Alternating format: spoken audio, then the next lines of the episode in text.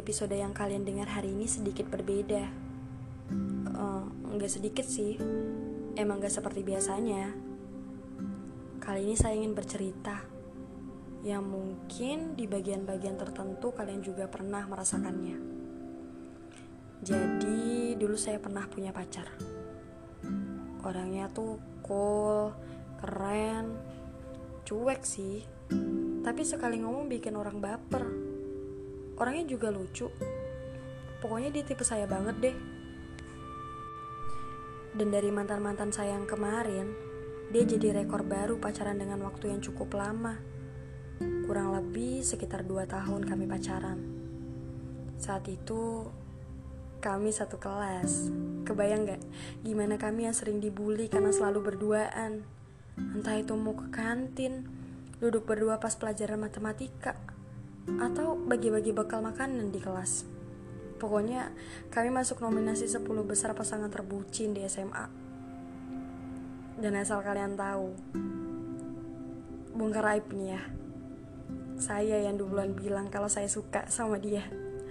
Kalau dibayangin sekarang, jijik aja gitu. Ya sebegitu cintanya saya sampai lupa harga diri.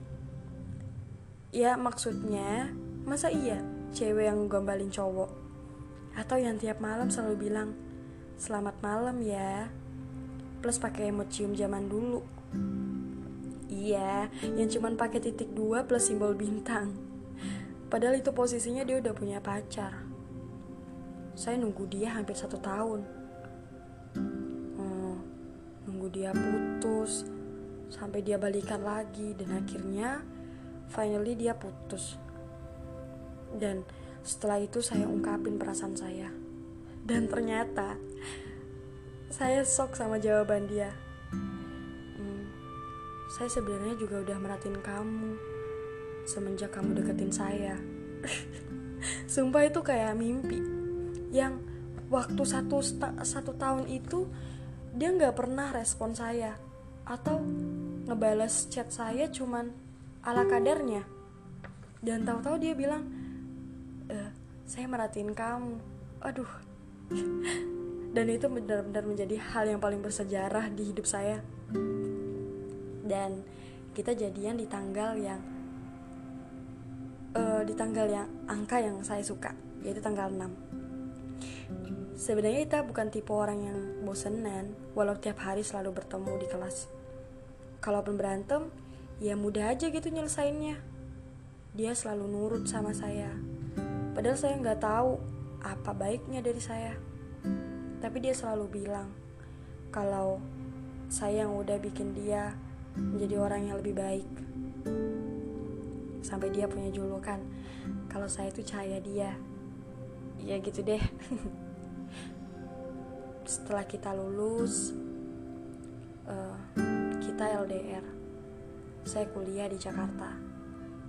Dia di Jawa sebelumnya kita memang punya komitmen setelah lulus nanti kita bakal kuliah di tempat yang sama di kota yang sama. Tapi ternyata kuliah yang saya harapkan menerima saya. Dan dengan terpaksa ya saya harus ngambil itu. Karena itu juga untuk masa depan saya. Akhirnya kita LDRan awalnya baik-baik aja kita selalu uh, selalu sering kontekan chattingan teleponan dengan waktu yang cukup lama. Dan lama kelamaan saya mulai berada di titik di mana saya merasa bosan sama hubungan saya sendiri. Saya bosan kita yang cuman ngabisin waktu buat telepon, chattingan, ya itu terus mulu. Kayak nggak ada nggak ada apa ya hampa aja gitu pacaran kita. Dan itu hal yang paling labil sih yang pernah saya lakukan. Sampai saya benar-benar melukain dia. Saya bilang kita udahan aja ya. Dan itu posisi di mana kita kan lagi LDRan. Saya pergi dengan keadaan dia yang kebingungan karena alasan yang gak bisa ia terima. Kata dia, kita kan udah sama-sama punya komitmen.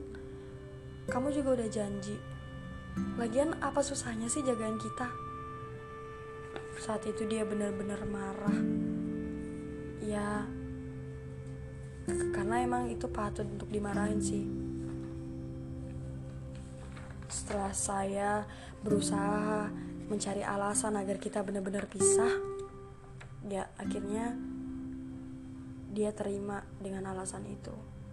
Dia terima kita pisah. Tapi dia janji ke saya kalau dia bakal kembali sampai saya udah hilang rasa bosan saya.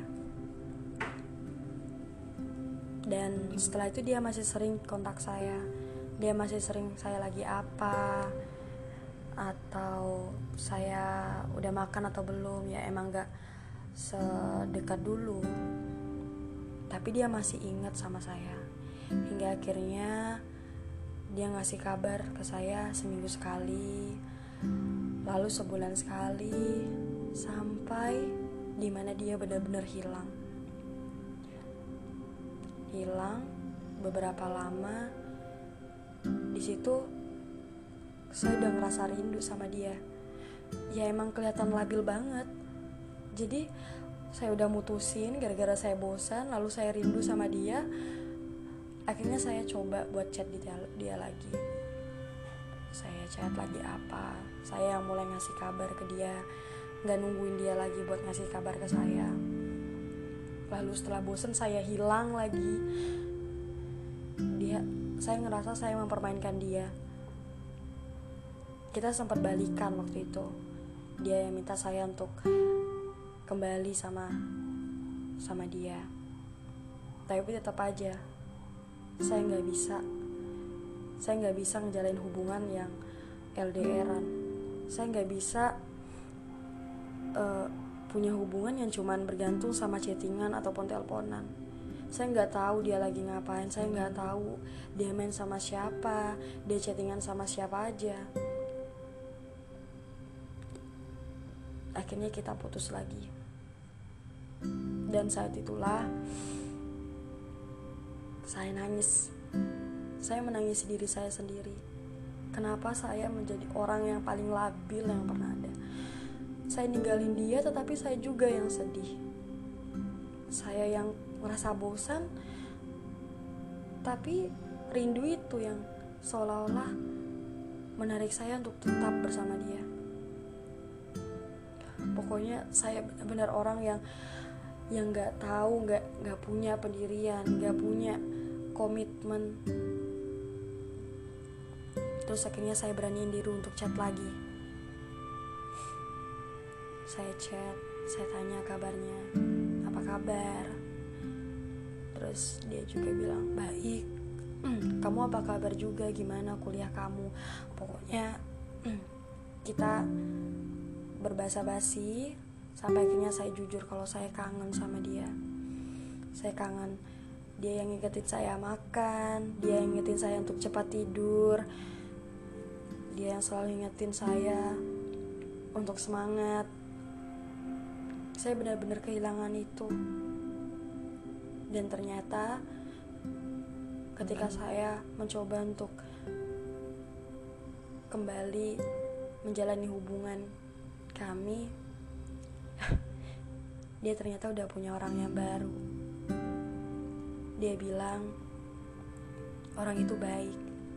Orang itu yang selalu menjadi sandaran dia ketika dia punya masalah sama saya.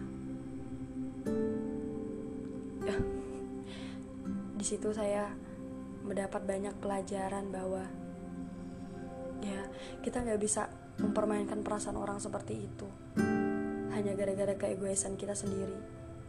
Bosan putus kangen balik lagi. Dan itu yang membuat saya menjadi trauma untuk menjalani ikatan sekarang. Saya takut sifat saya masih ada. Saya takut saya menyakiti orang yang saya cintai dan juga menyakiti diri saya sendiri. Jadi akhirnya saya sedang berada kondisi di mana saya gak mau jatuh cinta lagi dengan orang yang yang salah. Saya nggak mau ngungkapin perasaan saya mungkin karena ketika udah ngungkapin perasaan duluan kita malah punya kita malah punya tugas yang lebih besar untuk menjaga dia